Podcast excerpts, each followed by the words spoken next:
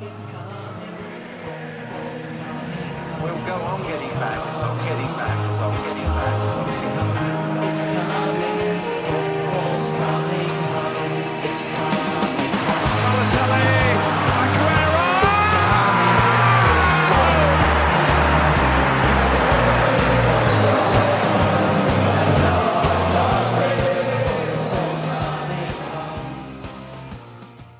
vorige keer zeiden we dat het een titanenstrijd zou worden. En in strijd was het zeker. Manchester City tegen Liverpool is met 2-2 geëindigd na ijzersterke optredens van zowel Kevin De Bruyne als van Sadio Mane. Maar afgelopen weekend is er natuurlijk meer gebeurd dan alleen een wedstrijd tussen de best presterende club bij Manchester en de best presterende club uit Merseyside. Maar dit kan ik natuurlijk niet alleen bespreken, want dat kan ik niet alleen. En deze quote heb ik van een van de oprichters van Podcast Road, die vandaag ook weer aan tafel schrijft. Maurits Zoek, welcome back.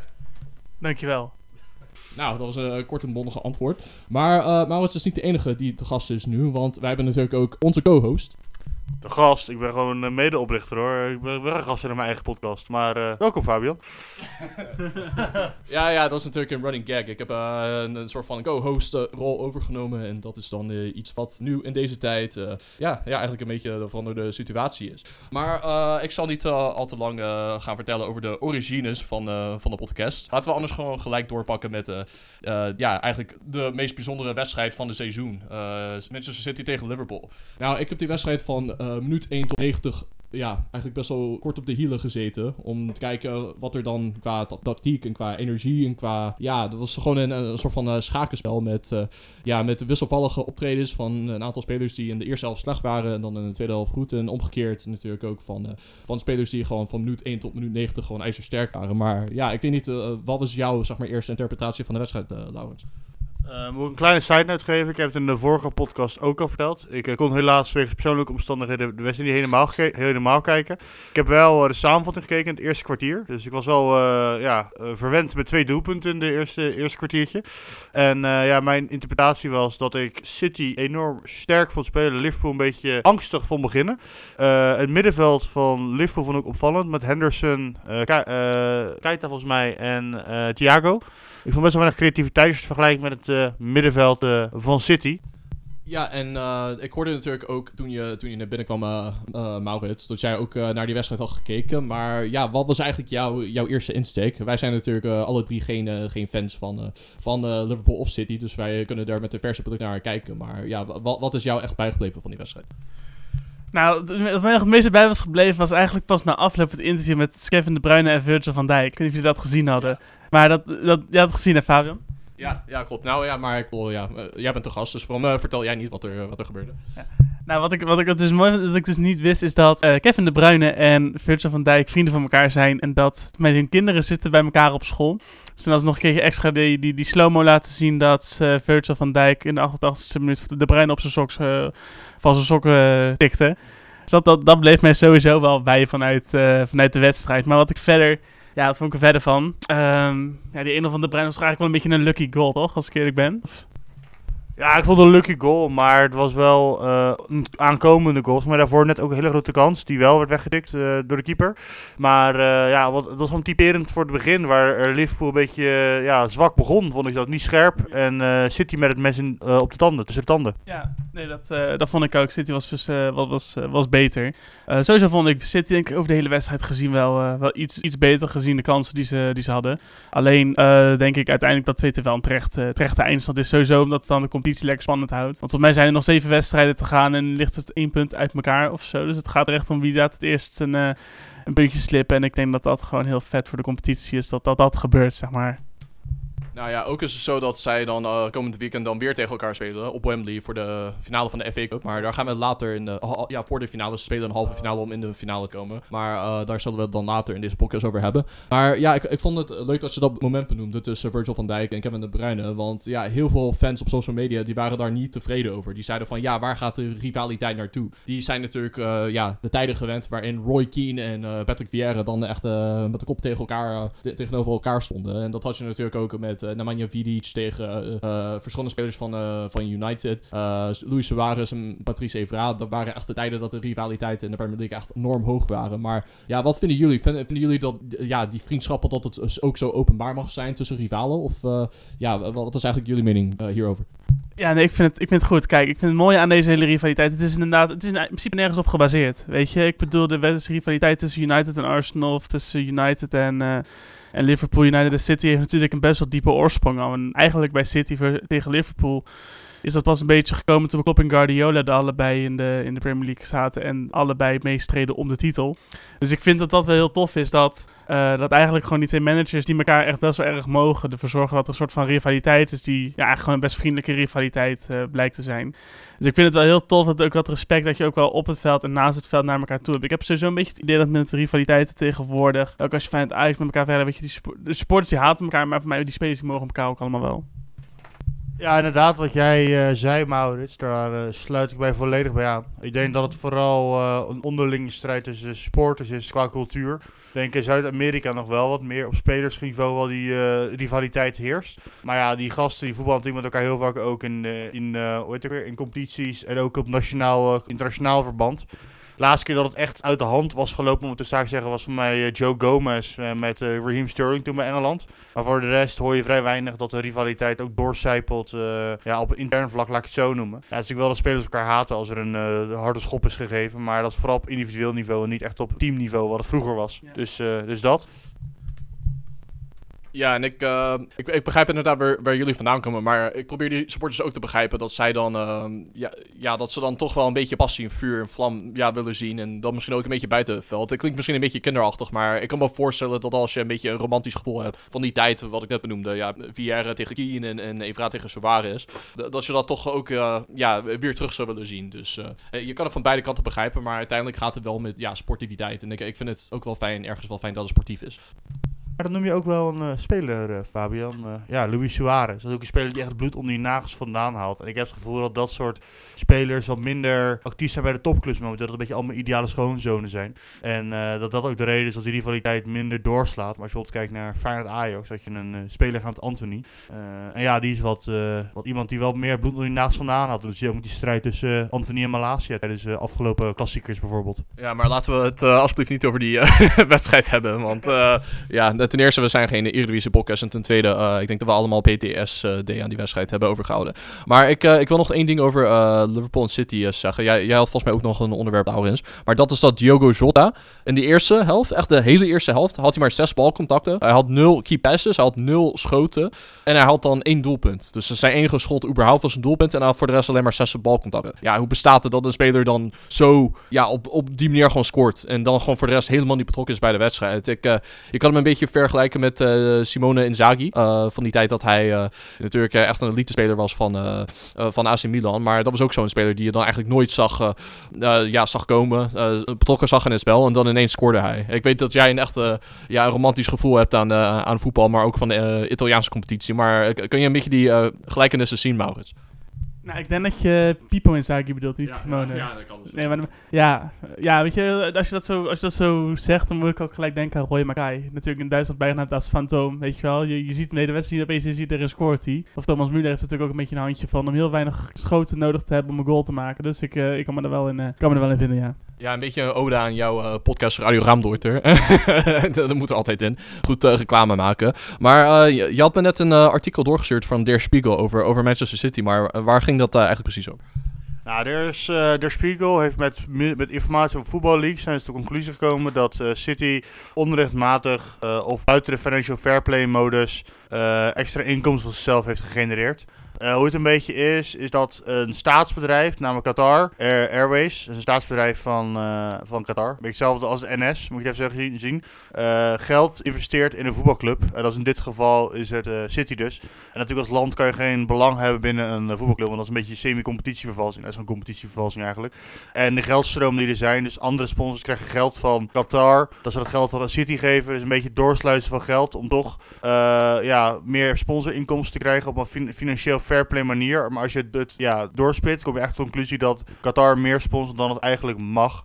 En dat is ook te zien in het eh, salaris van eh, Roberto Mancini. De voormalige trainer die in 2009, als ik het goed heb, eh, contract toen tekende bij, eh, bij City. Die kreeg toen eh 9 ton. Maar daarnaast had hij ook nog een andere functie als adviseur of consultant, waardoor hij nog meer geld kreeg. En een fun fact, in zijn eh, contract stond, hij verdient 9 ton per maand, stond ook dat hij zes kaartjes tour kreeg van eh, Italië naar, naar, naar, eh, naar eh, City. Eh, over dat soort kleine dingen ging het in het, in het contract onder meer. Ja, en precies diezelfde voorwaarden, die had hij ook in zijn contact bij Zenit Sint-Petersburg laten zetten toen hij daar dan eh, trainer was. Dus eh, ja, het is ook een trainer die dan de neiging heeft om dan eh, ja, een luxe leventje te leiden. Dus ja, als je dat al gewend bent, ik denk dat je dat ook als trainer dan een beetje, ja, ook, ook een beetje op een niveau zet. En dat, je ook een beetje, als je dat gewend bent, daar ook moeilijk vindt om daar vanaf te stappen. Dus ik, ik weet niet of dat echt ja, zijn toegevoegde waarde heeft. En naast corruptie vind ik het ook vanuit een menselijk perspectief niet, niet al te best. Ik vind dat een beetje een soort ja, een, overdreven inflatie van iemand zijn ego. Maar um, laten we anders eh, doorpakken. We noemden net al de, de halve finale van de FA Cup. Je hebt er eigenlijk twee. Je hebt eh, Chelsea tegen Crystal Palace op Wembley. Ja, verrassing Crystal Palace. Dat zie je ook niet vaak. De laatste keer dat zij in, eh, zo ver zijn gekomen in een FA Cup was eh, in die verloren finale tegen Manchester United. Eh, de enige prijs die onder Louis van Gaal werd gewonnen door Manchester United. Maar ja, goed. eh, nu zijn ze weer terug. Eh, en ja, wat kunnen we eigenlijk over Patrick Vieira zeggen? Die, eh, die is sinds dat hij aan de roer is daar eh, ja, best, wel, best wel goed bezig. En hij heeft het zeker beter gedaan dan zijn voorganger. Maar ehm, heb jij het een beetje, op, eh, een beetje van dichtbij gevolgd, uh, Maurits, hoe hij zich daar heeft uh, gemanifesteerd? Nou, eerlijk gezegd niet, maar wat ik wel gek vind is dat je zegt hij doet het beter dan zijn voorganger. Maar is dat zo? Want als je ziet hoe goed dat, dat sowieso het voetbal van Palace nu is, het is voor mij best wel, best wel redelijk frivol van wat ik ervan heb meegekregen. Ze hebben best wel goede jonge talenten. Ze hebben City volgens mij op de 0 gehouden laatst.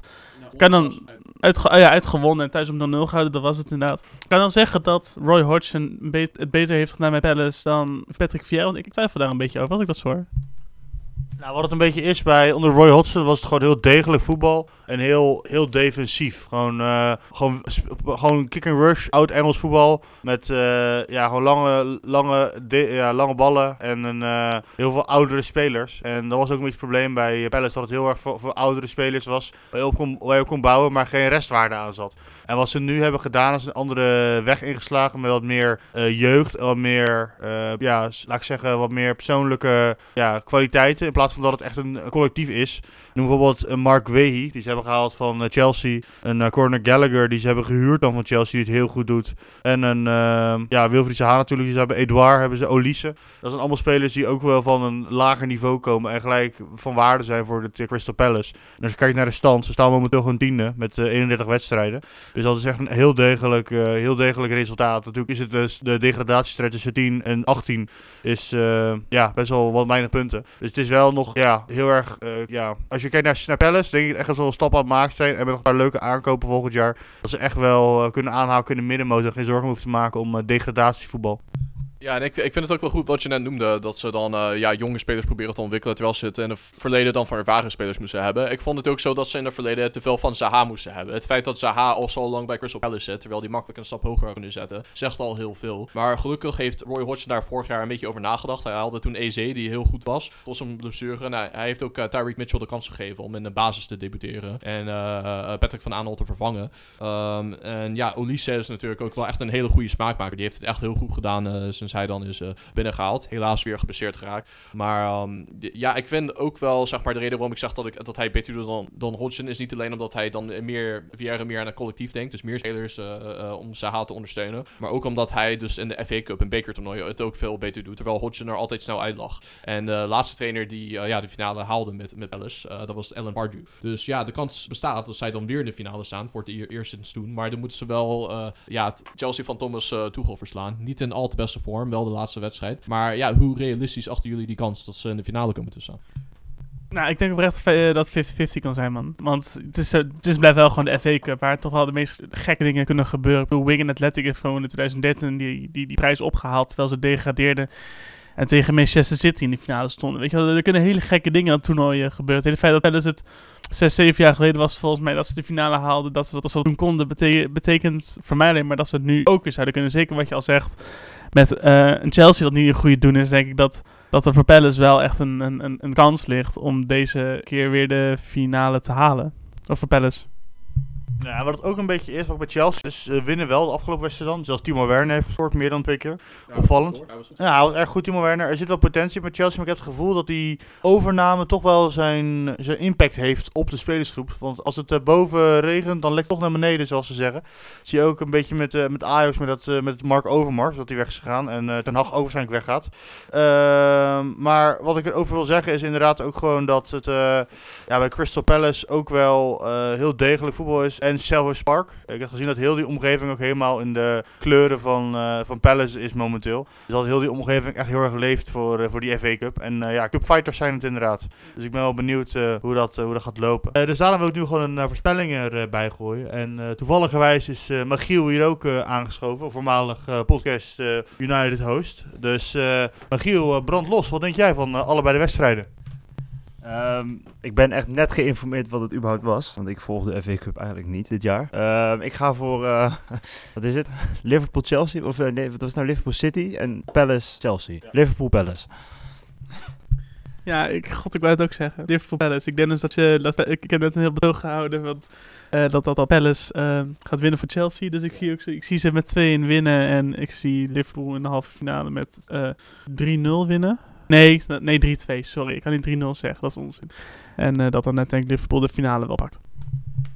Nou ja, kijk, ik denk dat Liverpool gaat winnen. Maar dat denk ik omdat ja, City heeft een uh, loodzware Europese wedstrijd in de Champions League uit tegen Atletico Madrid. Dus daardoor denk ik dat, uh, ja, dat ze zich heel veel zullen inspannen. En ja, dat gaat impact hebben op de FA Cup wedstrijd. Dus ik zeg Liverpool de ene finalist, de ander zeg ik Chelsea. Want uh, Tuchel is nog nooit uit een competitie gegaan.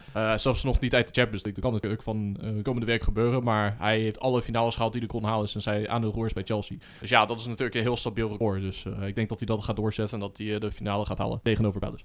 Ik denk dat uh, zelf dat City uh, gaat winnen. En dat de Chelsea ook gaat winnen. En dat uh, Timo Werner zijn vorm gaat doorpakken en gaat, gaat scoren. Een herhaling van de Champions League finale. ja, wat, wat je zegt, de herhaling van de Champions League finale inderdaad. Dan gaan we denk ik naar het volgende puntje. En dat is, dat is ja, Declan Rice. Ehm, in de media wordt gespeculeerd dat hij 150 miljoen moet kosten. En toevallig hebben we nu inderdaad Maurits aan tafel zitten. West Ham United supporter.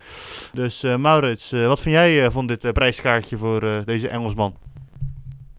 Veel, te laag. nee, kijk, weet je, we hadden het er, het er even in de, groep zitten over een uh, kleine insider in hoe het bij ons achter de schermen aan toe gaat. En hadden we het, daar zit, uh, zit Dosti en Jan Willem zitten daar, zitten daar ook in. Um, die vindt, Dossi vindt dat het ongeveer de, die ongeveer de helft maar waard is. En dat, die, die prijskaart, dat het prijskaartje 150 miljoen is omdat het een Engelsman is. Persoonlijk denk, ben ik het daar deels mee eens. Ik denk wel dat hij 100 plus miljoen waard is. En dat zeg ik puur om het feit dat deze markt op dit moment natuurlijk net te gek is. En inderdaad, als je een Engels paspoort hebt, ben je gewoon standaard 30 miljoen meer waard in de Premier League dan wanneer je dat niet bent. Dus ik wil zeggen, ik denk dat het dat, dat, dat 110 miljoen of zo, dat, hij voor zoveel wel uh, minimaal de deur uit gaat. Ook zeker gezien natuurlijk het feit hoe, hoe goed Westen met de afgelopen twee jaar, tweeënhalf jaar doet hè, onder mooi is. Dat het is echt, die club is gigantisch erg gegroeid natuurlijk. Gewoon met het hele feit dat ze nu in de kwartfinale van de Europa League volgens mij staan. Het, stadion altijd uitverkocht is, dus de sfeer is er weer goed. Of halve finale. Nee, kwartfinale. Ja, ja. Nee, ze, ze spelen voor over drie weken volgens mij pas halve finale. Maar, um, weet het, nee, ik, ik zou zeggen 150 is wat veel. Maar 100 plus miljoen zie ik wel, uh, zie ik wel gebeuren. ik heb... zat, ik, ja, ik zat helemaal, ik zat helemaal gezoned out was ik hier, sorry. uh, Ja, ik vind veel geld. Vette hoop geld. Ze mogen het ook aan mij, ze mogen het ook aan mij geven. Als het beter is dan... Ja. Marciano. hebben Oh god. Oh ja, Sanchez. Roberto. Sanchez. Oh man. Ja. Nee, uh, ja, ik weet niet. Ik, ik, ik, ja, Engelsmannen zijn altijd te veel geld waard. Het mislukt altijd. Dus dat is mijn mening. Nou, ik, ik vind het ook wel lekker dat we tegenpolen hebben van elkaar. Terwijl ze nog zitten te lachen. nee, maar ik, ik, ga tussen, ik ga tussen Magiel inzetten en tussen Maurits. Want ik vind inderdaad wat Dossie zei, 75 miljoen, 80 miljoen, dat is hij ongeveer waard. En ik, uh, ik denk dat dat zo'n speler is dat als hij de stap zou maken naar een grotere club, dat hij tijd nodig zou hebben om echt uh, hetzelfde vorm weer te, weer te halen. Dus uh, ja, dat, dat zie je gewoon soms. Dat zie je ook soms bij spelers ja, zoals Morgan Schneiderlin. IJzer, ijzersterk bij Southampton, maar die heeft die stap naar United nog niet het helemaal kunnen laten zien. Ik denk wel dat de Rice het beter zou doen eh, dan zo'n speler. Maar dat laat wel zien dat het niet meteen eh, altijd zo is dat als je bij een kleinere club goed dat je het ook bij een grotere club laat zien. Dus, eh, dus we moeten ja, er rekening mee houden dat dat een risico is. En dat heeft ook invloed op zijn eh, transferwaarde, naar mijn mening. Dan gaan, we, dan gaan we over naar ja, eigenlijk het rubriekje wat de data van de maand vervangt. En de weken dat we geen data van de maand hebben. En ik zie Laurens al juichen. Want we gaan het hebben over een speler die natuurlijk heel veel te zien is op de, op de Engelse tv. En over welke speler gaat dit? Het gaat over eh, Jimmy Floyd Hasselbank, eh, voormalig eh, spits bij, eh, ja, bij Chelsea. En ook voormalig trainer bij Burton Albion, waar hij heel lang goed deed, maar daarna niet meer. Ging naar Reading volgens mij. En toen is het downhill gegaan met de trainerscarrière van Jimmy Floyd. Hij, heeft natuurlijk ook, eh, hij was ook betrokken bij hetzelfde schandaal als eh, Sam Allardyce toen hij trainer was bij Engeland. Dat hij dan eh, geld, ja, zeg maar vies geld had ge- geaccepteerd om dan bepaalde spelers dan te integreren in zijn, in zijn elftal. Terwijl ze daar niet de juiste kwalificaties voor hadden. Ja, ik zie in Michiel al met zijn hoofd schudden. En dat heeft er naartoe geleid. Want ze hebben sponsorgeld, ze hebben vies geld daarvoor geaccepteerd. Dat ervoor zorgde dat zij dan, ja, dat, dat ze dan gespiked werden, zoals ze dat noemen. Er was een sting operation. En die mensen die hun dat geld gaven, dat bleken dan eigenlijk spionnen te zijn die ervoor zorgden dat zij dan eh, betrapt werden. En, eh, en ja, eigenlijk allebei per direct werden ontslagen. Dus dat heeft een ja, negatief invloed op zijn trainerscarrière gehad. Maar we gaan het natuurlijk hebben over Jimmy Floyd Hasselbank, de speler. Hij heeft het natuurlijk heel erg goed gedaan bij Leeds United, waar hij in één seizoen 24 goals maakte, 40 wedstrijden. En dat is natuurlijk voor een club als Leeds United in die tijd, waar ze een keer toen de tijd, eh, net voor degradatie, heel slecht was. Hij heeft het daarna bij eh, Chelsea ook heel goed gedaan. Eerste seizoen daar 26 goals gemaakt. En eh, het seizoen daarna 29 en iets meer, 7 meer wedstrijden. Dus eh, eigenlijk is het gewoon een eh, ja, legende geweest van, eh, van de Premier League. En hij heeft helaas voor, voor Oranje, voor het Nederlands elftal, niet heel vaak gespeeld. Maar ja, toch eh, 9 goals in 23 wedstrijden. Dus ja, wel respectabele ja, statistieken voor een speler die eigenlijk in die tijd derde spits was of vierde spits. Dus ja, ik denk dat mensen in Engeland, dat ze hem los van de tv, als ze hem van de tv kennen, dat ze ook trots kunnen zijn op zijn, zijn carrière. En ja, jij als Premier League liefhebber, ja, leuk kan terugkijken naar de carrière die hij daar heeft gehad. Maar Maurits, wat is jou eh, van de carrière van Jimmy Floyd Hasselbank bijgebleven? Nou, persoonlijk niet heel veel. Eh, maar als ik het goed begrijp, is dit dus meer een soort van oeuvreprijs nu eh, deze maand. Of eh, voor Jimmy Floyd Hasselbank. Oké. Ja, maar wat mij wel is bijgebleven, hij scoorde... oh, ja, ik, ik, toen ik vroeger jong was, keek ik altijd honderdduizend van die, van die voetbalcompilaties en, en, mooiste doelpunten ooit. En er zat één vrije trap van Jimmy Floyd Hasselbank bij, van mijn dienst van Middlesbrough. In, in die Etihad tegen, tegen Manchester City. Of dat toen nog het City of Manchester sta- Stadium, nog ver voor de overname. Schoot die, schoot die gozer een, een, een, een vrije trap vanaf een meter of 13. Met een streep knoert hard in de kruising. Echt, ik, ik heb nog nooit een streep zoals die van hem gezien. Dat was echt een weergaloos doelpunt. Verder, ehm, ja, dat is eigenlijk het meeste wat mij nog van hem is bijgebleven, eh, Magiel. Ja, nou, nou ben ik er wel bij. Ja, eh, nee, ja, ik moet heel eerlijk bekennen dat ik hem nooit echt heel veel heb zien voetballen. Want eh, ja, ik ben gewoon best wel jong. Dus ja, ik heb hem no- nooit echt live zien spelen. Het enige wat ik wel weet is, voor mij is hij ook topscorer alle tijden. Nederlandse topscorer alle tijden in de Premier League. Ja, dat is eh, niet niks. En eh, het is wat jij zegt. Het is jammer dat hij bij het Nederlands elftal wat minder eh, op die manier betrokken was. Ja, klopt. En, en dan heb ik ook wel het idee dat wij in Nederland hem sowieso misschien minder op waarde schatten dan dat we bijvoorbeeld wel doen met een, met een Ruud van Nistelrooy of Robin van Persie. Nou, ik denk dat dit misschien ook een gevalletje, nou ja, niet helemaal dezelfde zijn, maar misschien een beetje een geval van Dijk is. In de zin van, als we kijken naar zijn carrière in de Eredivisie. Bedankt, Laurens.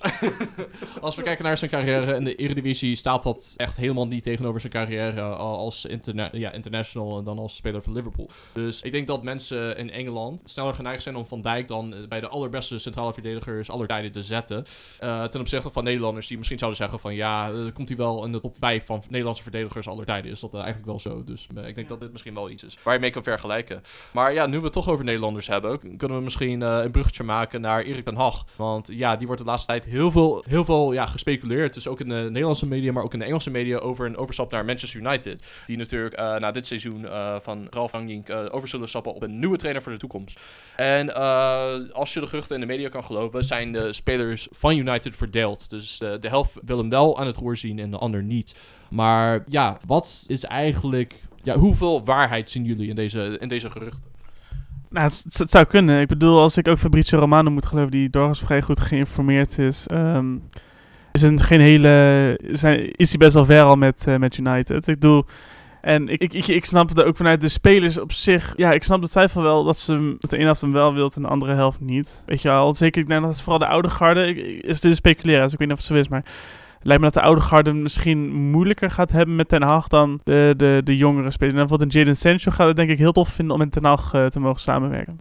En je noemt de oude garde, maar welke spelers noem je om precies te zijn? Als je echt specifieke spelers moest noemen. Ja, nou, Ronaldo, De Gea, de Matta. eh, ik denk dat Maguire er ook niet heel veel zin in heeft. Ehm Donny van der Beek wel. Die wel. Nee, die absoluut. Nee, ik denk dat soort gasten vooral. Ja. Nou ja, ik, ik, ehm, wat ik las is dat hij zelf ook wel een beetje nog bezig is of hij het wel wil of niet. Want hij wilde een bepaalde soort macht ook hebben en zekerheid hebben. Dat als hij spelers wil hebben, dat die ook komen. En dat is natuurlijk wel wat voorgaande trainers heel erg genekt heeft bij United. Is dat ze die spelers niet kregen. En daar zijn nu wel heel erg mee bezig. Dus dat begrijp ik van hem wel, ja. En is het ook niet een beetje het geval dat, ja, wat je inderdaad zegt, eh, eh, United is een beetje een trainerskerkhof geworden de laatste jaren.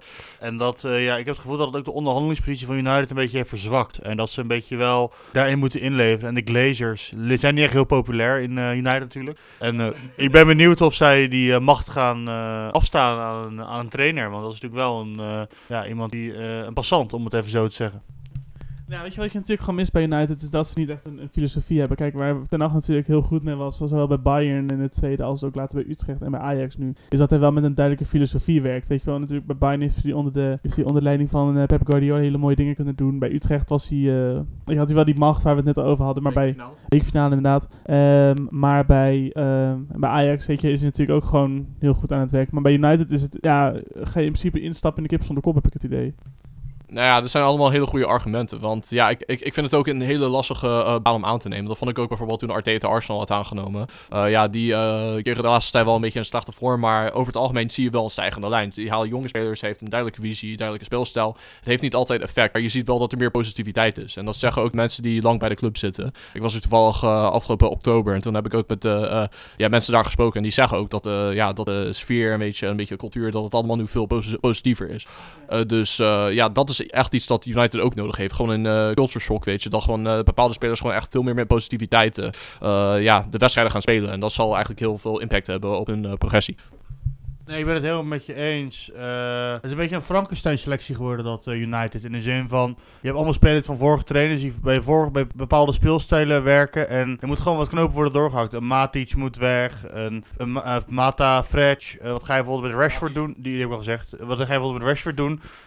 Die ook natuurlijk niet rendeert. Je, er moet gewoon een beetje wat, moet gewoon een beetje wordt, groot schoonmaak door dat, door dat United gaan. Want ik heb het gevoel dat het nu gewoon echt die selectie helemaal niet in balans is. En als dat een beetje in balans is, kan, eh dan is wel een leuke opdracht voor, eh voor Ten. Maar dan moet hij wel het krediet krijgen om daar eh, mee aan het werk te gaan.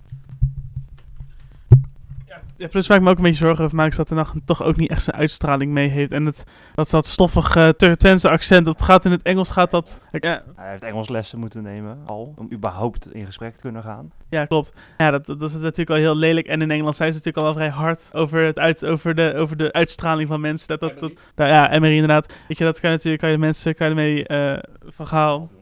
Ja, dus je kan er mensen al mee, maken of breken zonder dat ze überhaupt een trainingssessie geleid hebben. Ik denk dat dat wel heel, uh, heel, uh, heel lastig van wordt.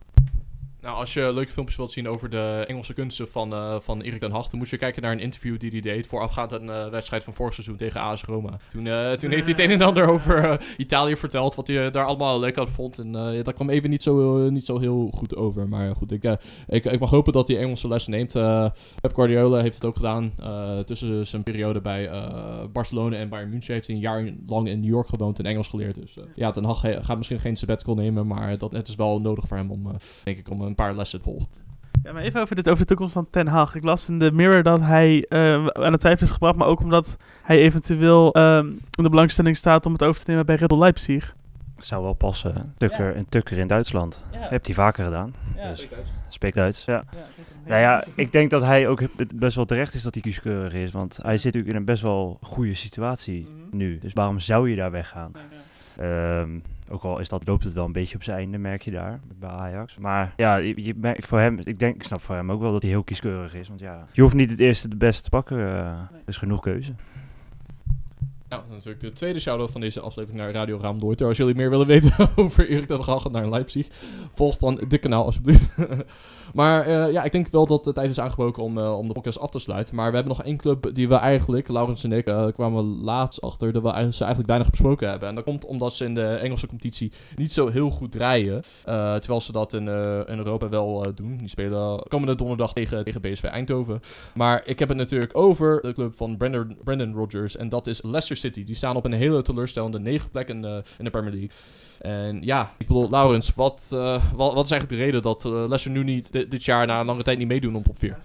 Eh, waarom we lessen niet meedoen met eh, de top 4? Ik heb het gevoel dat het een beetje, eh, ja, allemaal een beetje, de spelers een beetje te verzadigd zijn. In de zin van, ze zitten er al heel lang, de selectie is weinig vernieuwing. En dat er gewoon wat vers bloed moet komen. Eh, die eh, komen wat spelers, die, die linksback, die Denzel Hall of zo, eh, ik ben even de naam kwijt. Dewsbury Hall, thanks. Eh. ja, Denzel is fijn, excuus. Dewsbury Hall, die eh, is een revelatie. Die is ook eh, een groot, groot fan daarvan, is uh, Dossi Amin van ons, eh, onze andere podcast. Die Die- die, eh, die, die, die tweet er iedere, week, ieder weekend over Dewsbury Hall dat hij heel goed is. Eh, tegen PSV zag je ook gewoon een beetje dat er toch wel wat slagkracht mis. Weet je? Ja, Nacho is goed, maar toch geen top. Zoals Vardy was in zijn prime. Dus ik heb een beetje het gevoel dat er gewoon wat, eh, wat, wat vers bloed moet komen. Wat goede investeringen. En dan denk ik dat ze wel weer gaan aanhaken. Nou, waar ze ook mee kwam is dat Wesley Fofana, dat noemden we, die noemden we wel in het verleden. eh, een keer dat hij heel lang geblesseerd was met de kruisbandblessure die hij in de preseason eh, was opgelopen. Die is eh, wel weer teruggekeerd en je ziet ook dat het meteen ook beter gaat met Leicester. Dus, eh, maar wat je zegt, ik vind uh, Patson Daka vind ik wel een eh, leuke spits, maar die is niet op het niveau van Vardy. Uh, Ian Nacho was eigenlijk nooit op dat niveau. Die heeft eh, wel een beetje de Okozaki-rol heeft hij ingenomen. Dat doet hij wel goed, hij scoort regelmatig. Maar ja, het is wat je zegt, hij is niet echt een topspits. En omdat Vardy waarschijnlijk in de zomer weggaat, dan gaan ze ja, na een lange tijd bizar Jamie Vardy, icoon van de Premier League. Die komt misschien ook wel in de Premier League Hall of Fame ooit. Maar uh, ja, die, uh, ja, zijn carrière daar lijkt wel op het einde te zijn. Maar ze worden nu in verband gebracht met twee spitsen. Eén daarvan is Charles de Ketelare van de Club Brugge. En de ander is Joao Pirou van Swansea City. Oud uh, PSV Eindhoven speler en oud Spartaan. Maar ja, ik bedoel, zijn dit de spelers die ze dan de nodige impulsen gaan geven in de aanval? Of denk je toch dat ze dan een niveautje hoger moeten zoeken? Nou, ik, dat, is het voordeel van Leicester. Ik heb een beetje het gevoel met Leicester City dat het ook een club is die altijd wel een beetje opleidingsclub is. Uh, dus altijd wel spelers houden van Tielemans, die het ook wel uh, redelijk goed is genoemd en gegroeid in die, die rol. En Didi. En ik heb het gevoel dat dat ook een beetje twee spelers zijn die wel uh, daarin kunnen groeien en ruimte krijgen om zich te ontwikkelen onder, onder Brandon Rodgers. Ja, het gevoel dat ik ook wat een beetje Leicester heb is van zo'n, Michiel zei net, het is een beetje soort FC, een soort FC Utrecht. Dat je het mag mislukken, maar ook een, een gevoel van, uh, wat, wat wil ik nou zeggen? Um, ja. het, het, komt wel goed. Weet je, dat is ook na, natuurlijk na het kampioenschap. Toen, daarna hebben ze een paar jaar ook bijna tegen degradatie gestreden. Ging het een stuk minder. En daarna waren ze best weer drie seizoenen op rij bijna vierde, bijna vierde geworden. Nu is het wat minder. Maar dat het over één, twee jaar dat ze gewoon weer in die top vier uh, terecht, gaan, uh, terecht gaan komen. Dat het op zo'n manier altijd wel goed komt met ze, heb ik het, uh, heb ik het idee. Ja. Er is geen paniek. Er ontstaat bijna geen paniek, heb ik het idee. Nee, ja, klopt. Het is een beetje een Nederlandse club, vind ik, qua hoe ze, hoe ze beleid voeren af en toe. Dat vind ik wel heel, heel mooi om te zien. Maar nee, ik, ik, ik, ik, ik mag ze op die, om die reden ook wel. Ja, natuurlijk waren ze een beetje als cultclub begonnen, zeg maar. Iedereen droeg zo'n warm ja, hart toe toen ze landskampioen werden. Heel onverwachts. En uh, ja, dat, uh, dat blijft ze altijd volgen. Echt een fairy tale uh, verhaal. Dus ik, ik denk dat die goodwill bij heel veel mensen nog erin zit. Maar ergens is het ook wel moeilijk om daar dan ja, constructief dan een mooie club voor in de plaats te bouwen. En ik denk ook dat, die, dat het overlijden van die eigenaar, dat dat ook misschien een beetje impact heeft gehad. Dus het kan zijn dat dat, ja, dat, dat ervoor zorgt, ja, zorgde dat ze niet de potentie hebben bereikt die ze misschien wel hadden op dat moment. Maar ja, het blijft natuurlijk een stabiele club. En ik denk niet dat ze snel zullen degraderen. En misschien uh, eerder dat ze dan wel weer meedoen om, uh, om de top 4 uh, plekken. Oké, jongens. Hartstikke bedankt voor jullie, voor jullie komst. Het was leuk om weer, zoals van ouds, met, de met de vaste team, de vaste core, dan podcast op te, op te nemen. Dus ik, ja, ik hoop weer ooit een, een volledige aflevering met z'n veren op te nemen. En ja, wie weet. Maar natuurlijk, voordat we afsluiten, moeten we de socials even langs gaan. Even kijken of jullie die nog weten. Giel, hoe heten wij op Twitter? wat is nou een podcast? Laagstreepje road. Correct. Ja. en hij zou juichen. Maurits, hoe heten wij op Instagram? Podcast Road. En voor liefdesbrieven, suggesties of gewoon ja, ware liefde, stuur alsjeblieft een e-mail naar podcastroad.gmail.com. En wij hopen jullie de volgende keer te treffen. Nog bedankt voor het luisteren.